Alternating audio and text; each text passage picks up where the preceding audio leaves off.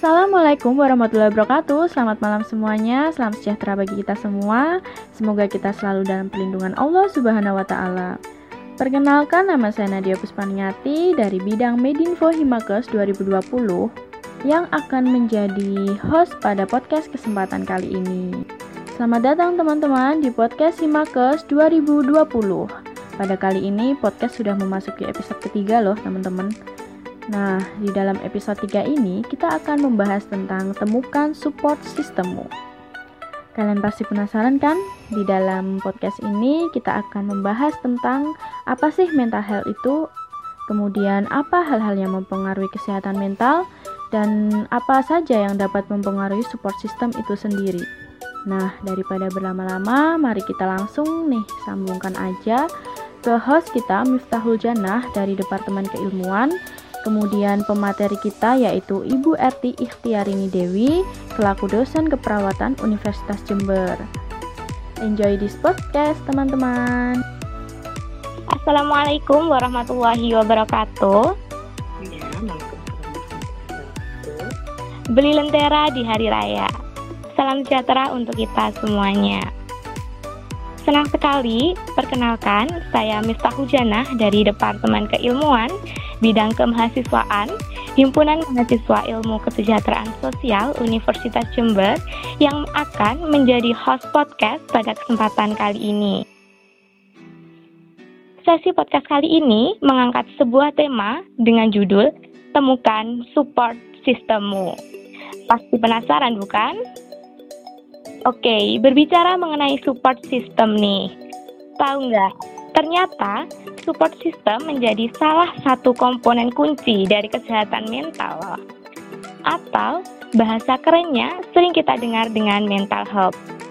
Namun, yang menjadi problema saat ini ternyata masih banyak orang yang bingung dalam menemukan support sistemnya, khususnya bagi para remaja nih Nah, pertanyaannya adalah apa sih pentingnya mental health dan bagaimana cara kita menemukan support system?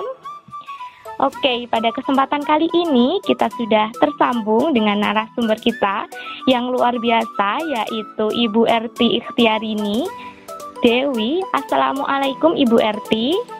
Ya, Waalaikumsalam Mbak Mita. Eh, bagaimana kabarnya hari ini Ibu? Alhamdulillah sehat luar biasa ya Mbak Bisa gimana kabarnya? Alhamdulillah Bu sehat juga. Alhamdulillah. Iya teman-teman, beliau merupakan anggota PLCD dan dosen keperawatan jiwa Universitas Jember. Oke Ibu, kita sedikit menyinggung mengenai mental health ya. Jadi sebenarnya apa sih yang dimaksud dengan mental health itu Ibu? Oke. Jadi mental health atau sebenarnya kalau mental health itu kan bahasa asing ya mbak ya. Jadi bisa saja uh, kita menyebutnya sehat jiwa. Boleh saja seperti itu atau kesehatan jiwa ya. Jadi kalau bicara tentang mental health atau sehat mental atau sehat jiwa itu banyak banyak ini mbak sebenarnya banyak uh, banyak literatur ya saya yakin uh, adik-adik mahasiswa mungkin uh, zaman sekarang bisa googling, searching ya. Atau kasarannya kalau kita bicara sehat mental atau mental itu kondisi di mana seseorang uh, memiliki tingkah laku positif terhadap dirinya. Ya, jadi dia memiliki kesadaran diri, uh, bisa menerima dirinya sendiri dengan apa pun itu kelebihan atau bahkan kekurangannya, memiliki pandangan objektif, kemudian bisa menerima terhadap kekuatan dan keterbatasan dirinya ya. Atau kalau misalnya saya ambilkan lah ya dari Undang-Undang Kesehatan Jiwa ya. Kan ada Undang-Undang Kesehatan Jiwa nomor 18 tahun 2014 ya. Di situ jelas sekali ya e, disampaikan bahwa e, kesehatan jiwa itu atau mental health ya. Kesehatan jiwa adalah kondisi di mana seorang individu dapat berkembang secara fisik. Kalau bicara berkembang secara fisik, tentu saja perkembangan fisik anak setiap anak itu berbeda-beda. Di sini tergantung pada usianya. Kalau anak balita, tentu saja perkembangan fisiknya tidak sama dengan usia remaja. Begitu pula dengan usia-usia lainnya. Kemudian selain bisa berkembang secara fisik, seseorang disebut sehat mental atau mental health kalau dia bisa berkembang secara mental. Ya, contohnya gini deh. Kalau misalnya kalian punya adik umur gampangannya umur 4 tahun balita ya. Dia minta dibelikan permen oleh mamanya atau ibunya. Kemudian si ibu mungkin saat itu mengatakan nah ibu nggak punya uang atau nggak usah beli permen. Si anak merajuk nangis mungkin guling-guling mungkin e, narik-narik baju ibunya. Nah itu masih hal yang umum dijumpai ya karena memang perkembangan mental di anak usia 4 tahun itu seperti itu tapi kalau misalnya kalian punya adik ya umur uh, adik lagi misalnya umur uh, 17 tahun misalnya atau 16 tahun dia minta dibelikan sesuatu sama ibunya. Kemudian ibunya tidak memberikannya maka jika misalnya si anak itu berguling-guling nangis merajuk kemudian narik-narik baju ibunya yang kondisinya sama dengan anak umur 4 tahun maka kondisi tersebut bisa disebut tidak sehat mental karena tidak sesuai dengan perkembangan mentalnya. Kemudian selain sehat fisik sehat mental juga secara spiritual dan sosial juga dia e, bisa berkembang secara baik ya.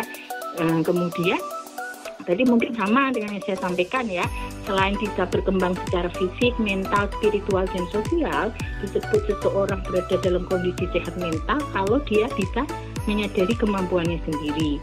Kemudian yang terpenting lagi bisa mengatasi tekanan atau bisa beradaptasi ya.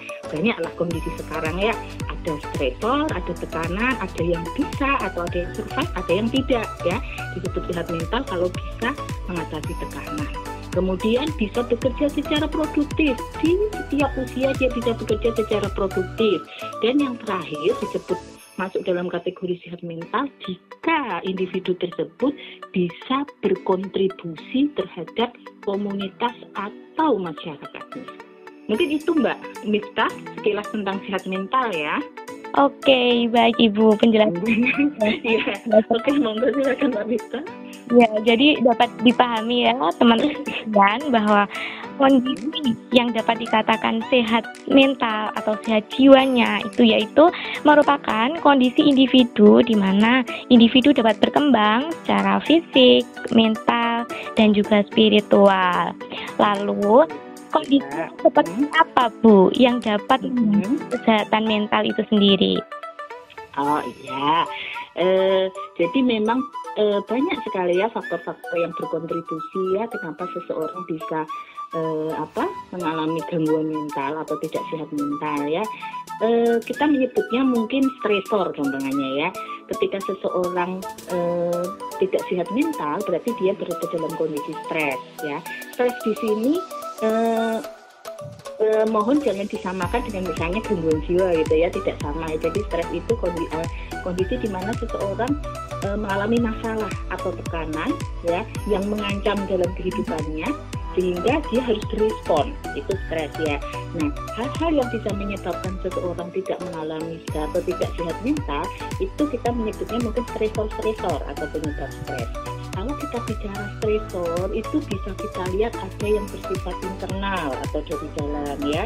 Ada yang stresor itu bersifat e, biologis misalnya ya. Contohnya saja biologis itu berarti terkait dengan fisik ya kondisi fisik penyakit. Ya kalau misalnya kita lihat contoh yang sekarang ya di masa pandemik ya COVID-19 ya e, mungkin adik-adik banyak membaca gitu ya, banyak membaca, mendengar informasi ya. Pasien atau misalnya e, masyarakat atau seseorang yang confirm ya, confirm ya, confirm positif ya, confirm positif eh, confirm positif COVID-19 ya, tidak hanya masalah fisik yang dia rasakan, tapi juga masalah psikologis ya. Nah itu yang saya maksud contoh dari penyebab eh, gangguan eh, penyebab uh, apa tidak uh, mental health tadi ya penyebab tidak sehat jiwa ya dari masalah biologis penyakit. Ya ketika dia konsum positif maka dia misalnya kecewa dia menyalahkan. Kemudian dia e, misalnya dia sedih dan bahkan bisa saja menjadi depresi. Penyebab dari biologis atau masalah fisik ya. Dan masalah-masalah lainnya yang terkait dengan penyakit ya. Itu dari segi biologi kemudian penyebab eh, lainnya ya misalnya masalah psikologis nah ini yang banyak sekali terjadi misalnya penyebab psikologis misalnya dia eh, apa harga dirinya jatuh karena misalnya dibully ya diejek oleh teman-temannya adanya perundungan atau mungkin dia ada e, cacat fisik ya ada kondisi yang tidak sama dengan orang lain ya kemudian dia karena kondisi yang tidak sama dia ada e, apa diejek hanya dia menjadi sedih kecewa depresi ya. Dan itu bisa menyebabkan munculnya permasalahan mental juga.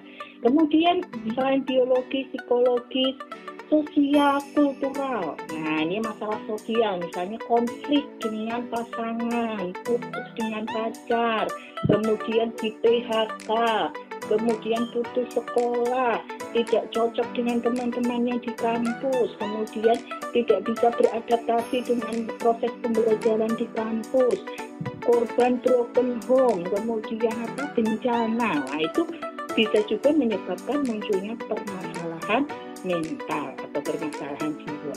Mungkin itu Mbak Mista ya dan lain-lainnya. Saya yakin banyak sekali lah ya permasalahan di kehidupan dari anak itu mungkin mengenal orang lain dari dia mungkin usia sekolah 6 tahun sampai dengan dia lansia setiap permasalahan itu bisa saja menyebabkan atau mengganggu kondisi mentalnya.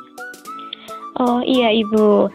Nah, dengan kondisi tersebut nih Bu, lantas bagaimana Bu cara kita sebagai remaja khususnya dalam mengenali support system guna menunjang kesehatan mental?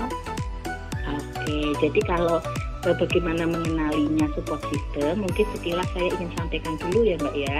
Jadi support system atau mungkin bisa kita menyebutnya dengan istilah dukungan sosial ya, itu eh, gampangannya adalah apa sih sebenarnya support system itu ya? Atau kenapa sih support system itu butuh ketika kita dalam kondisi tertekan misalnya ya? Jadi eh, sebenarnya support system itu kita ibaratkan sebagai apa ya kalau eh, mungkin kalau saya menyebutkannya sumber coping. Jadi support system itu merupakan amunisi kita ya ketika kita berada dalam kondisi tertekan ya amunisi kita yang akan membantu kita untuk mengatasi setiap masalah kita. Ya sebenarnya itu ya, ya, gambarannya gini uh, kita tidak bisa pungkiri ya tidak semua orang itu seperti uh, seperti apa ya jiwa ya. Setiap masalah dia bisa mengatasi masalahnya. Itu saya yakin lah ya tidak semua orang itu bisa seperti itu.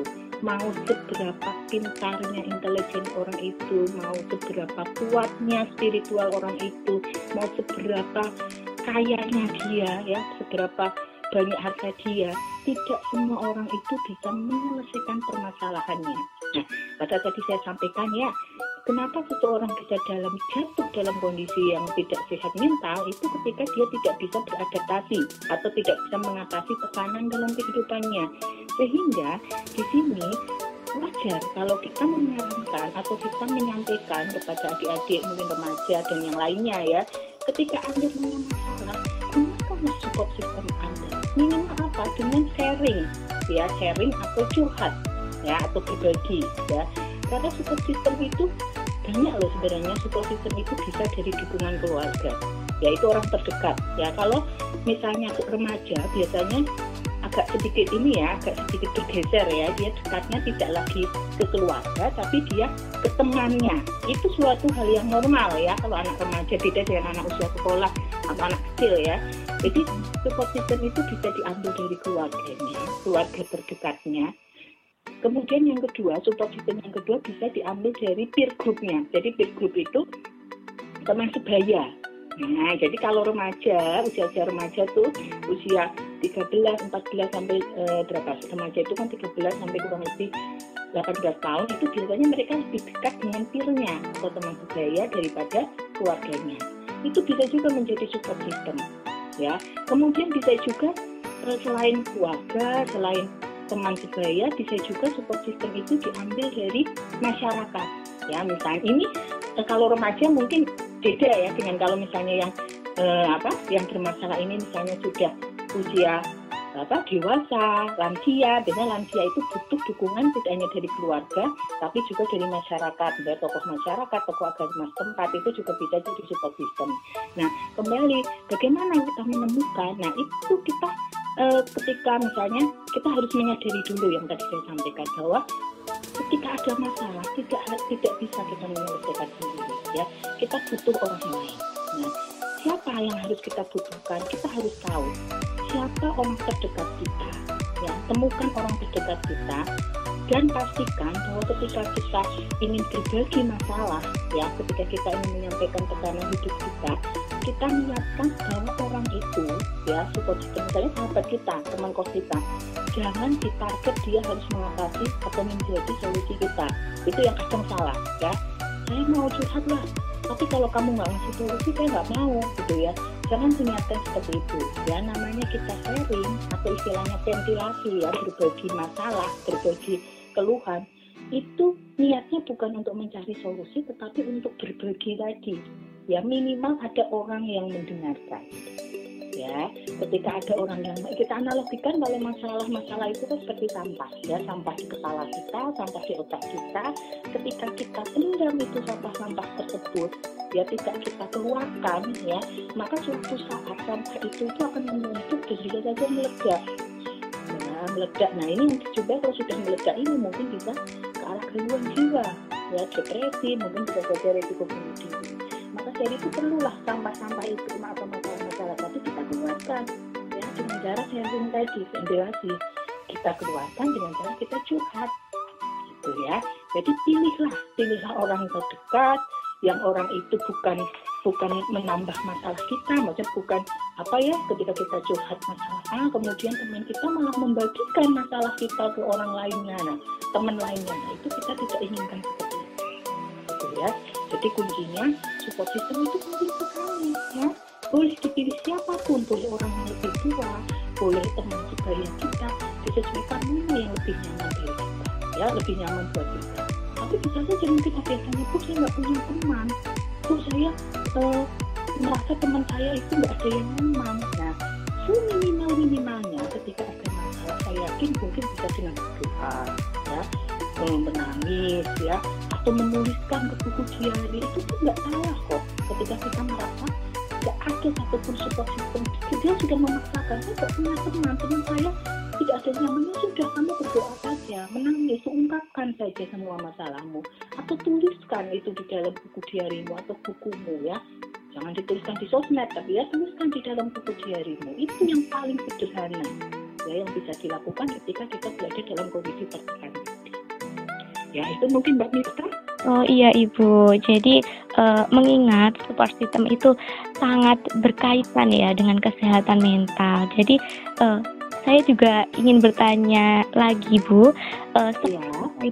selain berkaitan dengan kesehatan mental, Mhm. support system bagi individu, bagi lingkungan sosialnya sendiri itu bagaimana Ibu? Oke, pentingnya support system bagi individu, bagi lingkungan sosial. Ya, gitu ya. Oke gini mbak.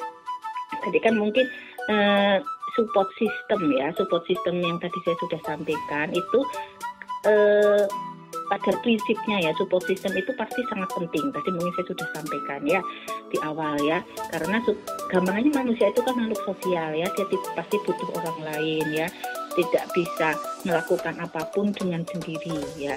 Jadi ketika dia support dia memiliki support system maka akan membantu ya. Akan sangat membantu ya sangat berkontribusi dalam kehidupan remaja atau seseorang ya dalam berinteraksi dengan lingkungan lainnya ya. E, mungkin kita gini, e, gampangnya gini ya. Kalau di zaman sekarang ya zaman sekarang itu kan kadang era kesejahteraan kemudian eh, apa semuanya menggunakan teknologi ya eh, asik dengan gadgetnya ya asik dengan gadgetnya sehingga ketika apa pun itu diselesaikan dengan gadget nah ketika so, apa apa pun itu diselesaikan dengan gadgetnya. Nah di sini tentu saja akan membatasi aktivitasnya dengan lingkungan sekitarnya, ya, dengan tetangganya, dengan temannya, ya. Nah itu sudah umum ya dijumpai seperti itu. Nah ketika ketika support system ada, ya support system ada, maka tentu saja kehidupan sosial orang itu ya remaja itu akan dinamis ya akan dinamis. Dia eh, siap ketika dia berinteraksi dengan orang lain di sekitarnya kemudian ke dia eh, apa namanya interaksinya tidak otonomi ya maksudnya tidak eh, semuanya diselesaikan dengan, dengan dirinya sendiri tapi dia pasti akan eh, selalu menjalin hubungan dengan orang yang ada di sekitarnya. Jadi menurut saya sangat penting, Mbak, support system itu bagi kehidupan uh, remaja di lingkungan sosialnya. Gitu Mbak Mista. Oh iya baik. Uh, jadi gini ya teman-teman. Dapat kita pahami juga bahwa sumber dari support system itu sangat banyak sekali dan luas sekali. Salah satu di antaranya adalah keluarga yang paling dekat dengan kita, khususnya para remaja ya. Selain itu juga ada teman, sahabat, dan orang-orang yang berada di sekitar kita. Oke baik, jadi gimana nih buat para pendengar sekalian? Rasa penasarannya sudah tercerahkan bukan? Baik Ibu, berhubung durasi sudah berakhir, maka saya ucapkan terima kasih kepada Ibu RT yang sudah bersedia meluangkan waktunya untuk menjadi narasumber podcast pada kali ini. Semoga ilmu yang diberikan bermanfaat untuk kita semua dan sebelum saya akhiri, saya punya sebuah pantun penutup nih untuk Ibu RT dan teman-teman semua. Bunga melati harum baunya semerbak wangi Sehat selalu untuk Ibu Erti dan jam dan sampai jumpa lagi. Oke, terima kasih. Assalamualaikum warahmatullahi wabarakatuh. Waalaikumsalam warahmatullahi wabarakatuh. Oke, kembali lagi dengan saya Nadia Puspaningati. Nah, eh, gimana nih teman-teman? Tadi Ibu Erti kan sudah menjelaskan terkait dengan mental health sampai dengan support system itu sendiri. Nah, Uh, saya yakin pasti informasi dari Bu RT ini sangat bermanfaat untuk kalian semua. Terima kasih teman-teman yang sudah mendengarkan podcast kita sampai selesai. Mohon maaf bila ada salah kata. Sekian dari saya sebagai host pada kali ini. Wassalamualaikum warahmatullahi wabarakatuh. Sampai jumpa di podcast episode selanjutnya.